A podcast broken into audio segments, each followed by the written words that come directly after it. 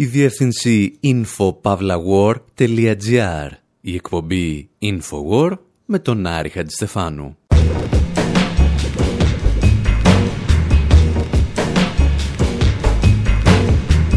όπου σήμερα σας γυρίζουμε 30 χρόνια πίσω για να παρακολουθήσουμε μαζί μια ταινία που ίσως να μην ήταν τελικά τόσο γελία όσο νομίζαμε την πρώτη φορά που την είδαμε. Συζητάμε για ένα αστυνομικό τμήμα στο μεταβιομηχανικό Detroit, το οποίο ετοιμάζεται να απεργήσει. Γνωρίζουμε νονούς της νύχτας που ελέγχονται από πολυεθνικές επιχειρήσεις και μπλέκουν στο παιχνίδι τους real estate και gentrification. Παρακολουθούμε το έργο ενός σκηνοθέτη που φαίνεται να δανείζεται στοιχεία από τον Μπέρτολ Μπρέχτ, αλλά και από τα κείμενα του David Harvey για τον νεοφιλελευθερισμό. Συζητάμε δηλαδή για το Robocop.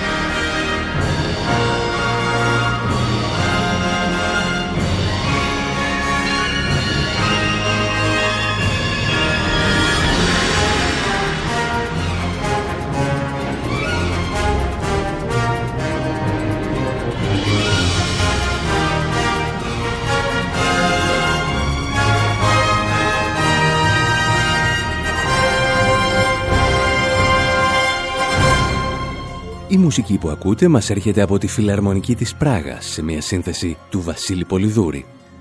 Και αν το παίζετε τζόβενα και κάνετε ότι δεν καταλαβαίνετε τι σας θυμίζει, είναι το μουσικό θέμα από την ταινία Robocop που κυκλοφόρησε στις αίθουσες πριν από 30 χρόνια. Στους περισσότερους από εκείνη την ταινία μας έχει αποτυπωθεί στη μνήμη μία και μόνο σκηνή Εκεί όπου ένα γιγαντιαίο και αστείο για τα σημερινά δεδομένα ρομπότ αστυνομικός αρχίζει να πυροβολεί κατά λάθος ένα νεαρό στέλεχος μιας πολυεθνικής εταιρείας.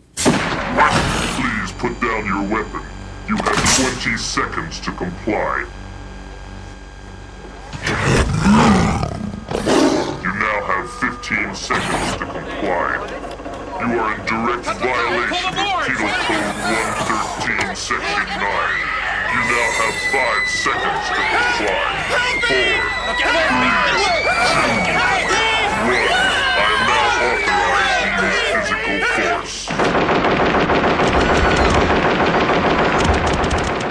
Ο σκηνοθέτης Πολ Βερχόφεν, που τώρα τον τιμάμε όλοι εμείς οι κουλτουριάριδες για την ταινία του «Ελ», στο Robocop μας έδινε μία από τις πιο αιματοβαμένες σκηνές του Hollywood για τη δεκαετία του 80.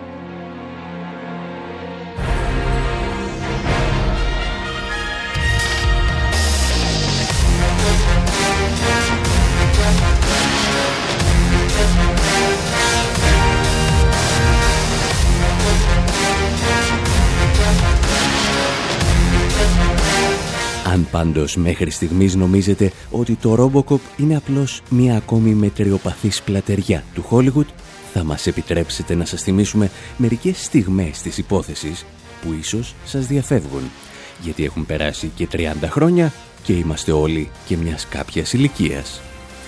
Όλα, αν θυμάστε στην ταινία, ξεκινούν με ένα δελτίο ειδήσεων.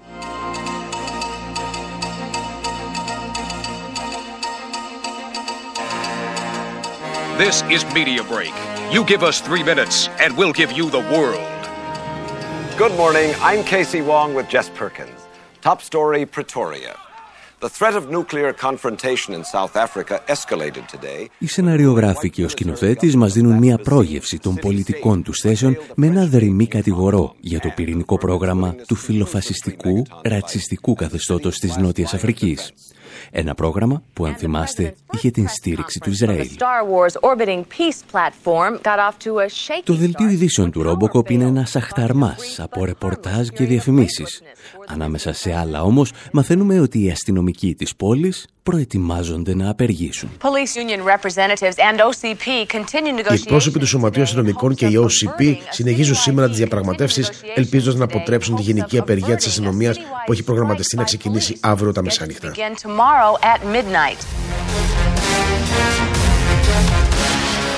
Ο λόγος για τον οποίο οι αστυνομικοί απεργούν είναι γιατί η αστυνόμευση της πόλης έχει ιδιωτικοποιηθεί και ελέγχεται από έναν πολυεθνικό όμιλο επιχειρήσεων, την Omni Consumer Products, γνωστή ως OCP. Τα εξηγούσαν όμως πολύ καλύτερα τα ίδια τα στελέχη της OCP. As you know, we've entered into a contract with the city to run local law enforcement. Όπως γνωρίζετε, αναλάβαμε τη διοίκηση των τοπικών οργάνων δημόσιας τάξης. Ωστόσο, σε θέματα ασφαλείας, θεωρούμε ότι μια ικανή αστυνομία δεν αποτελεί παρά μέρος της λύσης. Χρειαζόμαστε κάτι περισσότερο. Ένα όργανο της τάξης σε υπηρεσία 24 ώρες το 24ωρο. Ένα όργανο που δεν χρειάζεται ύπνο ή τροφή. Ένα όργανο με ευέλτιστη ισχύ πυρός και αντίστοιχα αντανακλαστικά. Αγαπητοί συνάδελφοι, με χαρά σας παρουσιάζω το μέλλον της στήριξης της δημόσιας τάξης.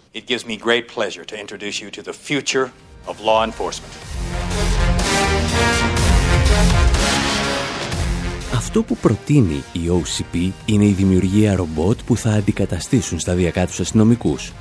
Η εταιρεία έχει ήδη αρχίσει να υποβαθμίζει τις παρεχόμενες υπηρεσίες αφήνοντας την αστυνομία υποστελεχωμένη παρά το γεγονός ότι η εγκληματικότητα αυξάνεται. Three dead police officers, one critically injured.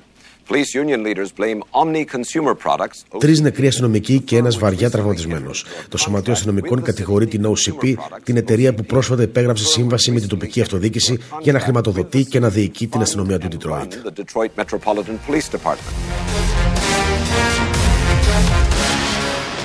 Για αυτούς τους λόγους λοιπόν οι αστυνομικοί αποφασίζουν να απεργήσουν, αδιαφορώντας ακόμη και για τις εντολές των ανωτέρων τους, που θεωρούν ότι οι αστυνόμοι δεν απεργούν ποτέ. Δεν θέλω να ξανακούσω για απεργία. Δεν είμαστε υδραυλικοί. Είμαστε αστυνόμοι και οι αστυνόμοι δεν απεργούν.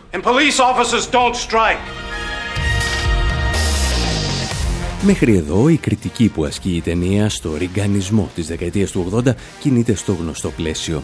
Μια μεγάλη επιχείρηση ενδιαφέρεται μόνο για τα κέρδη της και όχι για τους εργαζόμενους. Υπόσχεται όμως να είναι πιο αποτελεσματική μέσω διαφόρων αυτοματισμών και ρομποτοποίησης της παραγωγής. Ο Βερχόφεν και οι σεναριογράφοι της ταινίας όμως θέλουν να ασχοληθούν με την καρδιά του νεοφιλελευθερισμού. Συγκεκριμένα τους ενδιαφέρει η αποβιομηχανοποίηση του Detroit, οι ιδιωτικοποίησεις και ο έλεγχος του δημόσιου χώρου.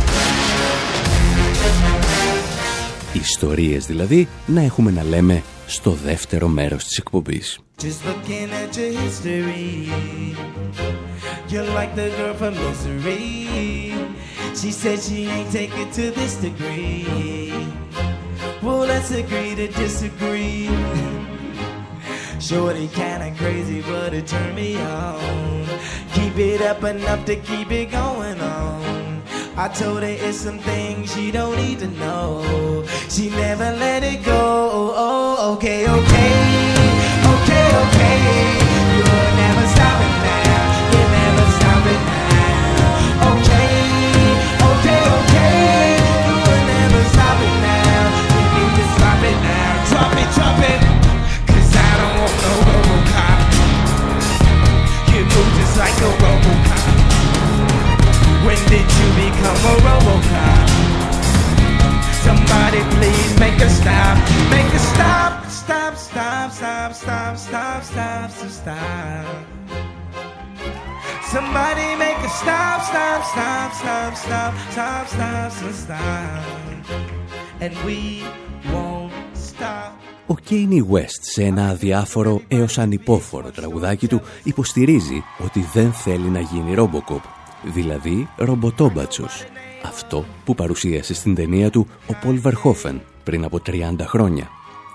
Εμείς πάλι αναζητούμε ορισμένα κρυφά μηνύματα εναντίον του νεοφιλελευθερισμού που βρήκαμε στην ταινία.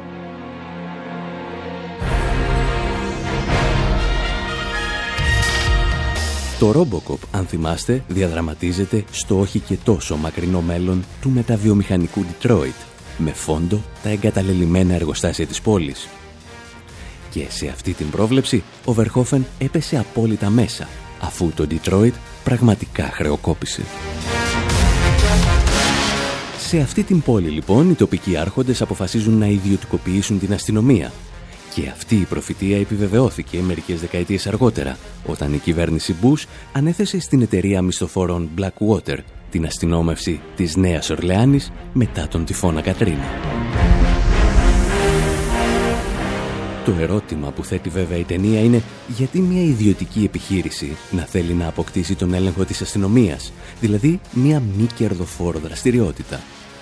Τα ίδια τα στελέχη της εταιρείας πάντως φαίνεται να μην ανησυχούσαν καθόλου. Take a close look at the track record of this company. And you'll see that we have gambled in markets traditionally regarded as non-profit. Εξετάστε τα δεδομένα της ιστορικής εξέλιξης της εταιρείας. Θα δείτε ότι ρισκάραμε επενδύοντας σε αγορές που παραδοσιακά θερούνται μη κερδοφορές. Σε νοσοκομεία, σε φυλακές, στην εξερεύνηση του διαστήματος. Εγώ λέω ότι καλές business είναι εκεί που τις βρίσκεις. I say good business is where you find it.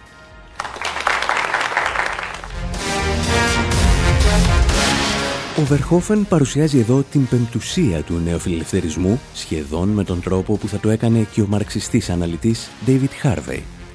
Εκεί που έλεγε ότι πρωταρχικός στόχος του νεοφιλελευθερισμού είναι να δημιουργήσει νέα πεδία συσσόρευσης κεφαλαίου σε τομείς που μέχρι πρότινος δεν ανήκαν στη σφαίρα της κερδοφορίας.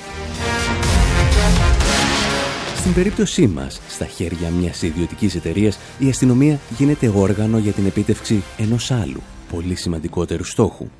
Τα εξηγούσαν όμως και πάλι τα στελέχη της OCP στην ταινία Robocop. My friends,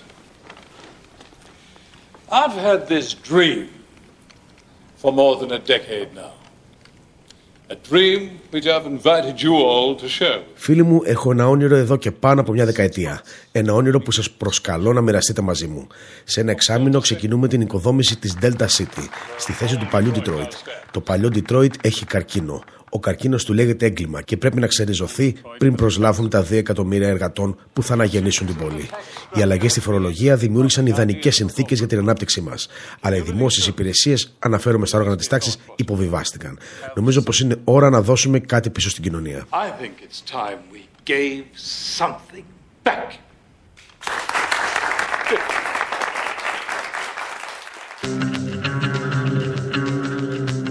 Αυτό που υπόσχεται δηλαδή σαν δώρο ο διευθυντής της OCP είναι μια ιδιωτική αστυνομία η οποία θα εκαθαρίσει το παλιό Detroit για να χτιστεί μια υπερπολιτελής πολιτεία, η Delta City.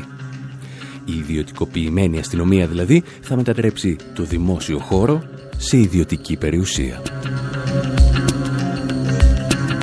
Και για να μην νομίζετε ότι ο Βερχόφεν είναι κανένας αφελής, στην ταινία μας εξηγεί ότι οι ιδιωτικές εταιρείες ελέγχουν όχι μόνο την αστυνομία και το στρατό, αλλά και τους αρχηγούς των συμμοριών του Ντιτρόιτ, οι οποίες συμμορίες λειτουργούν στα πρότυπα των επιχειρήσεων. Σε έναν από τους καλύτερους διαλόγους της ταινίας που θα μπορούσε να έχει γραφτεί για την όπερα της Πεντάρας του Μπέρτολ Μπρέχτ, ακούμε και τα εξής. Γιατί να κλέβουμε τράπεζες αν δεν μπορούμε να κρατήσουμε τα χρήματα, αναρωτιέται ένας κακοποιός για να πάρει την εξής απάντηση. Χρειαζόμαστε χρήματα για να αποκτήσουμε χρήματα. Εμείς κλέβουμε χρήματα για να αγοράζουμε κοκαίνη, την οποία πουλάμε και κερδίζουμε ακόμη περισσότερα. Λέγεται επένδυση κεφαλαίου. Ναι, επιμένει ο άλλος κακοποιός. Γιατί όμως να το κάνουμε όλο αυτό όταν μπορούμε να τα κλέβουμε όλα εξ αρχής; Και η απάντηση είναι Ξέρεις κανένα καλύτερο τρόπο να κλέβεις από την ελεύθερη επιχειρηματικότητα; Ένας μικρός Μπρέχτ στην καρδιά μιας χολιγουντιανής παραγωγής.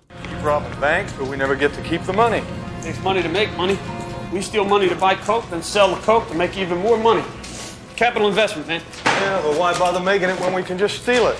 There's no better way to steal money than free enterprise. Για να επανέλθουμε όμως στα δικά μας, αυτό που γίνεται ουσιαστικά στο Robocop είναι μια χοντροκομμένη μορφή gentrification. αν ελέγχεις την εγκληματικότητα αλλά και την αστυνόμευση, μπορείς να εκενώσεις ολόκληρες περιοχές από τους κατοίκους τους. Στη συνέχεια, αγοράζεις την ακίνητη περιουσία τους σε εξευτελιστικές τιμές και δημιουργείς εκεί πολυτελείς κατοικίες για τους πλούσιους. Παρόμοιες διαδικασίες, αν θυμάστε, είχαμε συναντήσει και στον 19ο κύκλο της σειράς κινούμενων σχεδίων South Park. Το τι συνέβαινε εκεί και πώς λειτουργούσε το gentrification μας το εξηγούσε ένα mini ντοκιμαντέρ που γυρίστηκε ακριβώς για να εξηγήσει την πολιτική οικονομία του 19ου κύκλου. Neoliberalism has one goal make everything marketable. Gentrification, for example, is the free market's way of dealing with shitty. Ο νεοφιλελευθερισμός έχει ένα στόχο: να κάνει τα πάντα εμπορεύσιμα. Το gentrification, για παράδειγμα, είναι ο τρόπος που η ελεύθερη αγορά διαχειρίζεται τις κακόφημες γειτονιές. Είναι η διαδικασία κατά την οποία η εκτιματομεσητική ανάπτυξη και τα συμφέροντα των επιχειρήσεων εκμεταλλεύονται τις χαμηλές τιμές και τη μόδα της βιομηχανικής αρχιτεκτονικής για να πουλήσουν σε λευκούς ανθρώπους πανάκριβα τάπας χωρίς να διορθώνουν το πραγματικό πρόβλημα της φτώχειας. Ακόμα και η ποικιλία και η πολυπολιτισμικότητα εξυπηρετούν αυτές τις μηχανές του κέρδους. Σε μια νεοφιλελεύθερη οικονομία, η διαφορετικότητα και η ποικιλία έχουν γίνει εμπορεύσιμα brands ώστε να μπορεί να πουληθεί οτιδήποτε και τα πάντα. brands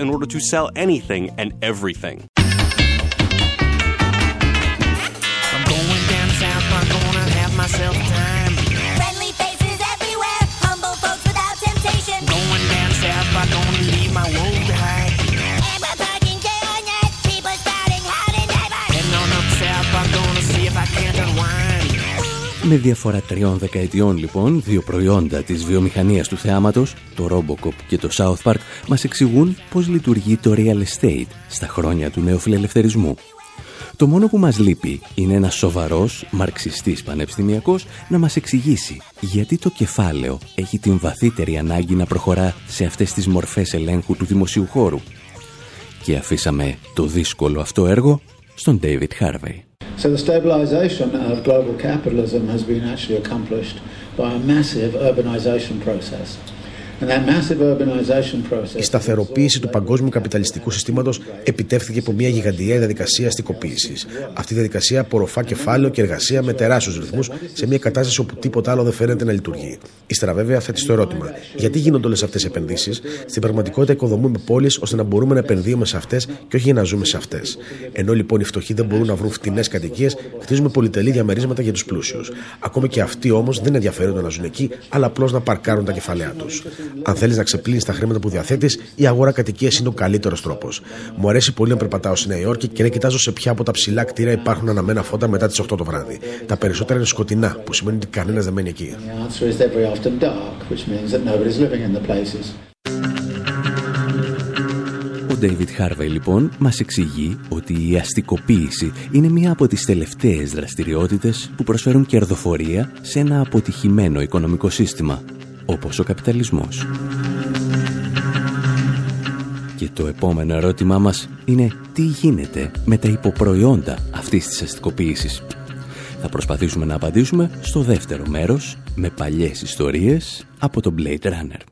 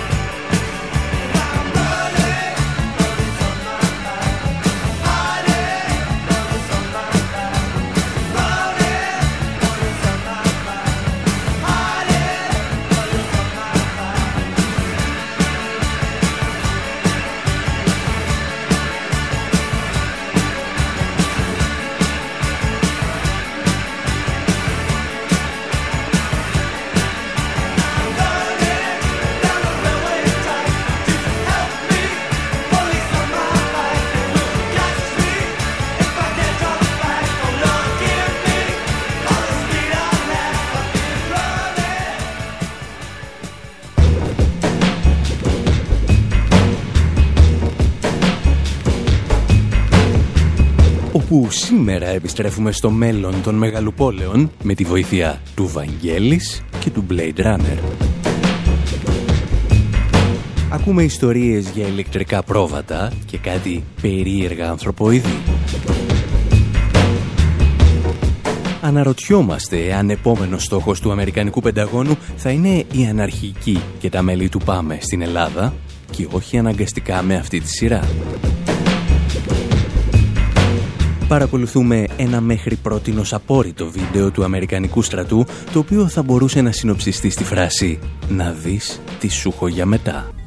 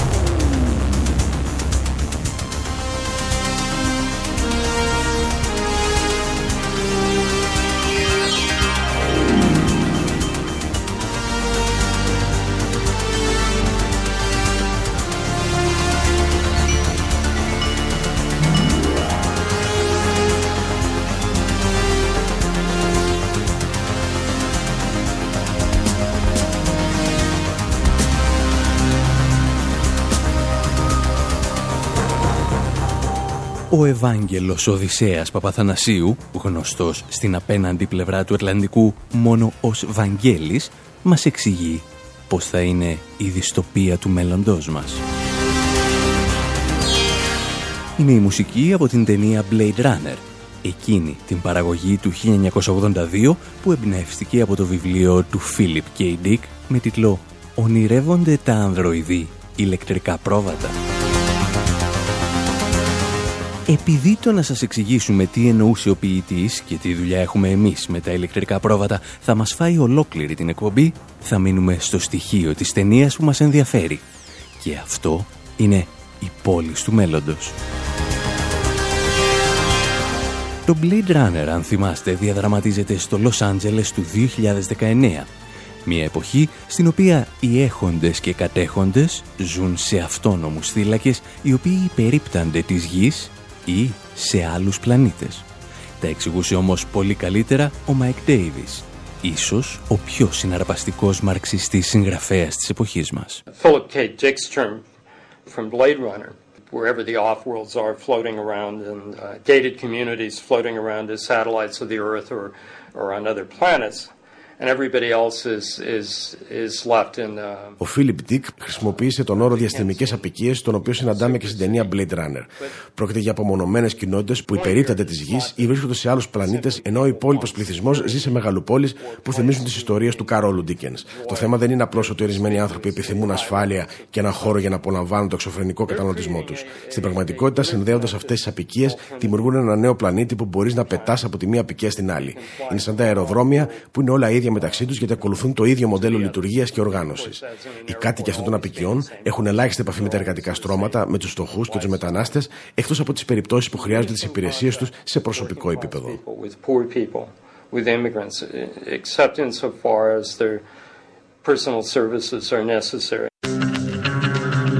Το Blade Runner λοιπόν περιγράφει μια μελλοντική δυστοπία στην οποία οι παραγκουπόλεις αποτελούν τον κανόνα και οι λίγοι και οι εκλεκτοί είναι μειοψηφίες που ζουν πίσω από υψηλά τείχη.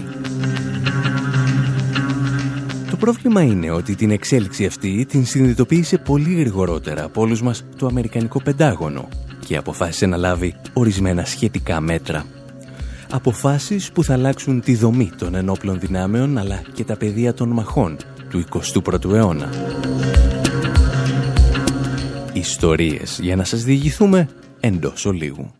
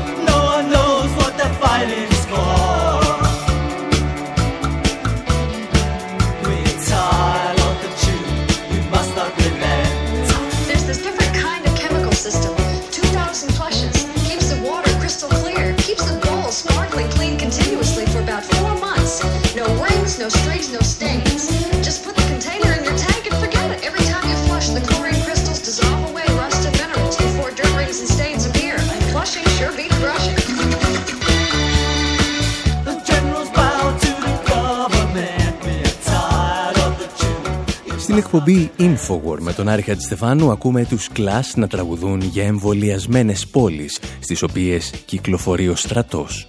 Και εμείς συζητάμε για τις μεγαλοπόλεις του μέλλοντος και τα σχέδια του ισχυρότερου στρατού που έχει γνωρίσει η ανθρωπότητα. Πριν από μερικούς μήνες, κάτι κοντοκουρεμένοι νεαροί μπήκαν σε μία αίθουσα στην αεροπορική βάση του Μακντήλ, κοντά στην Τάμπα της Φλόριντας. Εκεί όπου στεγάζεται το Πανεπιστήμιο Κοινών Ειδικών Επιχειρήσεων, το Πανεπιστήμιο του Πενταγών. Το μάθημα της ημέρας αφορούσε τις νέες μορφές αντιμετώπισης της σύγχρονης τρομοκρατίας και περιελάμβανε ένα βίντεο. Τα φώτα έκλεισαν, ο προτζέκτορας ξεκίνησε και οι φοιτητές άρχισαν να βλέπουν μεταξύ άλλων εικόνες αναρχικών στην Αθήνα, μέλη του ΠΑΜΕ και ειδικές δυνάμεις της ελληνικής αστυνομίας να πλακώνονται στο κέντρο της πόλης. Το βίντεο που παρακολούθησαν ήταν απόρριτο. Η ηλεκτρονική έκδοση Intercept όμως εξασφάλισε μια κόπια και έτσι μπορούμε να την παρακολουθήσουμε και εμείς μαζί σας. The future is urban. By 2030, urban areas are expected to grow by 1.4 billion. Το μέλλον είναι αστικό. Μέχρι το 2030 οι αστικές περιοχές αναμένεται να αυξηθούν με 1,4 δισεκατομμύρια κατοίκους σχεδόν στο σύνολό τους στον αναπτυσσόμενο κόσμο. Το 60% των ανθρώπων θα ζουν σε πόλεις στις οποίες θα αντιστοιχεί το 70% του παγκόσμιου ακαθόριστου προϊόντος. Το αστικό τοπίο θα είναι ο χώρος όπου θα συγκεντρώνονται οι δυνάμεις της αστάθειας.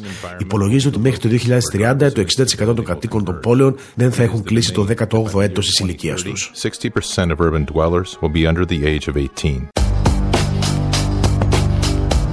Μέχρι εδώ, αν ακούτε μόνο τον ήχο, όλα πηγαίνουν σχετικά καλά. Μερικοί στρατολάγνοι με ένα πρόγραμμα για μοντάζ περιγράφουν μια δυστοπική κοινωνία του μέλλοντος. Μόνο που οι εικόνες οι οποίες αρχίζουν να εμφανίζονται στο βίντεο δεν περιγράφουν απλώς ένα πρόβλημα, αλλά τον σύγχρονο εχθρό των ενόπλων δυνάμεων της Αμερικής. Κάπου εδώ έρχεται και η σύγκρουση των πολιτισμών, ο αέρας με τον οποίο αναπνέει κάθε αδαής φιλελεύθερος. As historic ways of life clash with modern living, ethnic and racial. Καθώς οι ιστορικές μορφές διαβίωσης συγκρούνται με το σύγχρονο τρόπο ζωής, εθνικές και φιλετικέ διαφορές καλούνται να συνεπάρξουν. Σε αυτό το σκηνικό, τα δίκτυα του οργανωμένου εγκλήματο προσφέρουν διεξόδους στις μάζες των ανέργων. Opportunity for the growing mass of unemployed. Να μας συγχωρέσετε για την κακή χρήση της ελληνικής γλώσσας, αλλά η μετάφραση είναι ακριβής. Και είναι αυτό που συμβαίνει αν αφήσεις έναν καραβανά του Πενταγώνου να κάνει κοινωνιολογικές αναλύσεις. Το πρόβλημα όμως δεν είναι πώς το λέει, αλλά τι λέει. Οι άνεργοι και οι εγκληματίες, ακούσαμε, έρχονται κοντά, ενώ κάτι υπανάπτυκτοι απειλούν τον καπιταλιστικό μας παράδεισο. Και εκεί που λες ότι τίποτα δεν μπορεί να γίνει χειρότερο, έρχονται και άλλοι αναρχικοί. Το βίντεο του Πενταγώνου παρουσιάζει ομάδες αντιεξουσιαστών στην Αθήνα και ο εκφωνητής λέει λογάκια σαν κι αυτά. In a city of 10 million, where you hold the support of 99% of the population, Σε μια πόλη 10 εκατομμυρίων όπου έχεις την υποστήριξη του 99% του πληθυσμού, το υπόλοιπο 1% αντιστοιχεί σε απειλή 100.000 ατόμων. Πρόκειται για ένα περιβάλλον συγκλήσεων το οποίο κρύβεται μέσα στην τεράστια έκταση και την πολυπλοκότητα των μεγαλοπόλεων. hidden amongst the enormous scale and complexity of the megacity. Η διήγησή μας έχει αρχίσει να εμπλουτίζεται και με εικόνες αστυνομικών που χτυπούν διαδηλωτές και μέλη συνδικάτων στην πλατεία συντάγματος. Κατά διαστήματα μάλιστα βλέπουμε και κάτι τζιχαντιστές στην οθόνη. Για να μην ξεχνάμε ότι ο εχθρός είναι ένας και κοινός. Και αφού προσδιορίσαμε τον εχθρό, έχει έρθει μάλλον η στιγμή που αρχίζουμε να τον πολυβολούμε. The advice of doctrine from Sun Tzu Τα προτινόμενα δόγματα, όπως περιλαμβάνονται στα εχειρίδια μάχης, μας προσφέρουν δύο βασικές εναλλακτικές. Μια λύση είναι να αποφύγουμε τις πόλεις. Η δεύτερη είναι να δημιουργήσουμε ζώνες όπου είτε θα κρατήσουμε τον εχθρό μακριά ή θα απομακρύνουμε τον άμαχο πληθυσμό και θα εμπλακούμε με τις εχθρικές δυνάμεις σε μάχες μεγάλης έντασης μέσα στην πόλη. Ακόμα και τα δόγματα εναντίον της δημοκρατίας που χρησιμοποιήθηκαν στο Ιράκ και τα βουνά του Αφγανιστάν είναι ανεπαρκή για να αντιμετωπίσουμε το μέγεθος του πληθυσμού στο αστικό τοπίο του μέλλοντος. Is inadequate to address the sheer scale of population in the future urban reality. Τα καλά νέα λοιπόν είναι ότι οι Έλληνες αναρχικοί και συνδικαλιστές και κάτι άλλοι διαδηλωτές θεωρούνται από το Πεντάγωνο εξίσου αξιόμαχοι με τους μαχητές στο Ιράκ και το Αφγανιστάν. Γεγονός που μας κάνει υπερήφανους ως έθνος αλλά κυρίως ως τάξη. Τα άσχημα νέα είναι ότι το Αμερικανικό Πεντάγωνο μόλις μας εξήγησε που θα πρέπει να περιμένουμε τις εκατόμβες του επόμενου αιώνα. Στα αστικά κέντρα, όπου οι μάζες των ανέργων και των φτωχών δεν θα εντάσσονται πλέον στον άμαχο πληθυσμό, αλλά στις εχθρικές δυνάμεις που πρέπει να αφανιστούν πάση θυσία. Πώς ακριβώς όμως φτάσαμε ως εδώ και κυρίως μήπως υπάρχει κάποια εναλλακτική ώστε οι φτωχοί και οι άνεργοι να κερδίσουν αυτόν τον πόλεμο; Για να απαντήσουμε πρέπει να επιστρέψουμε στο Blade Runner και τον Mike Davis, αλλά θα το κάνουμε ύστερα από ένα μικρό διάλειμμα.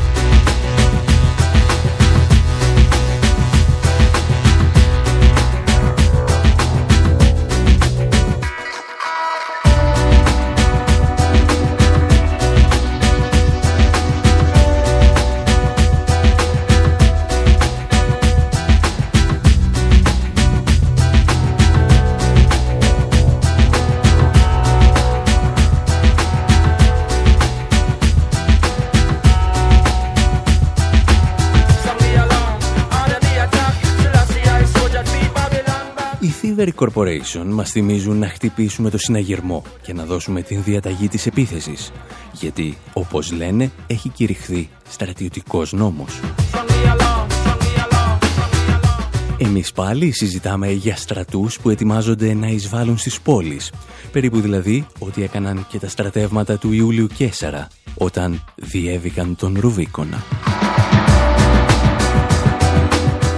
Για να καταλάβουμε τι ακριβώς έχει συμβεί, θα πρέπει να επιστρέψουμε μερικά χρόνια πίσω, όταν ο Μάικ Ντέιβις παρουσίαζε το βιβλίο του Planet of Slums, ο πλανήτης των παραγκουπόλεων. Εδώ, σε μια συνέντευξή του στο Democracy Now! There are now, according to the United Nations, a billion people living in slums in the megacities of the third world. Σύμφωνα με τα Ηνωμένα Έθνη, τουλάχιστον ένα δισεκατομμύριο άνθρωποι ζουν σε παραγκουπόλεις στις μεγαλουπόλεις του τρίτου κόσμου.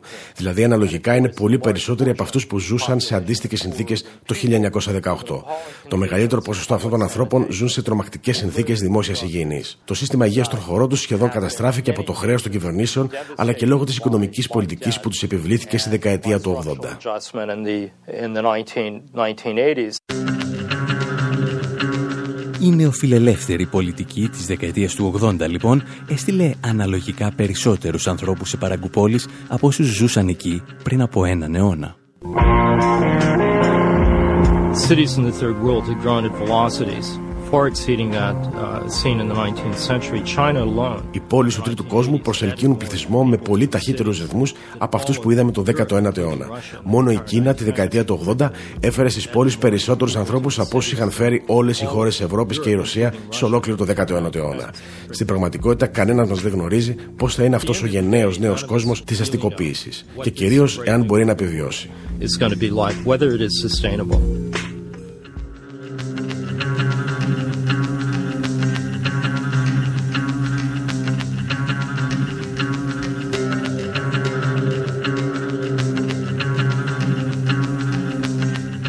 Συνήθως οι περισσότεροι ασχολούνται με το πώς θα εξαλείψουμε τις παραγκουπόλεις, πώς θα διώξουμε τους κολασμένους στις φαβέλες, τους μετανάστες από τα παρισινά προάστια και τους ανέγγιχτους από το κέντρο της Βομβάης.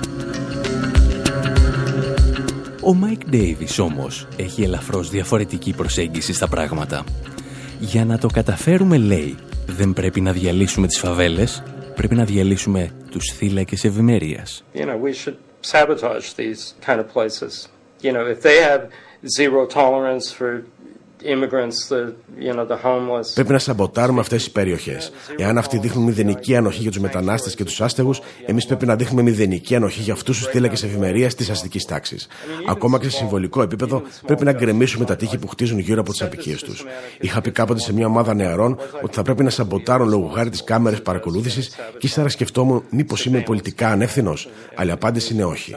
Η γενιά της δεκαετίας του 60, όπως τη γνωρίσαμε στα πανεπιστήμια αλλά και έξω από αυτά, εντάχθηκε στην κοινωνία μέσω αυτής της αντικαθιστατική συμπεριφοράς. Μπορεί να μην είχε συγκεκριμένους στόχους, αλλά στηριζόταν σε δημοκρατία και την ισότητα και ουσιαστικά λαιλάτισε τα προνόμια των πλουσίων. You know,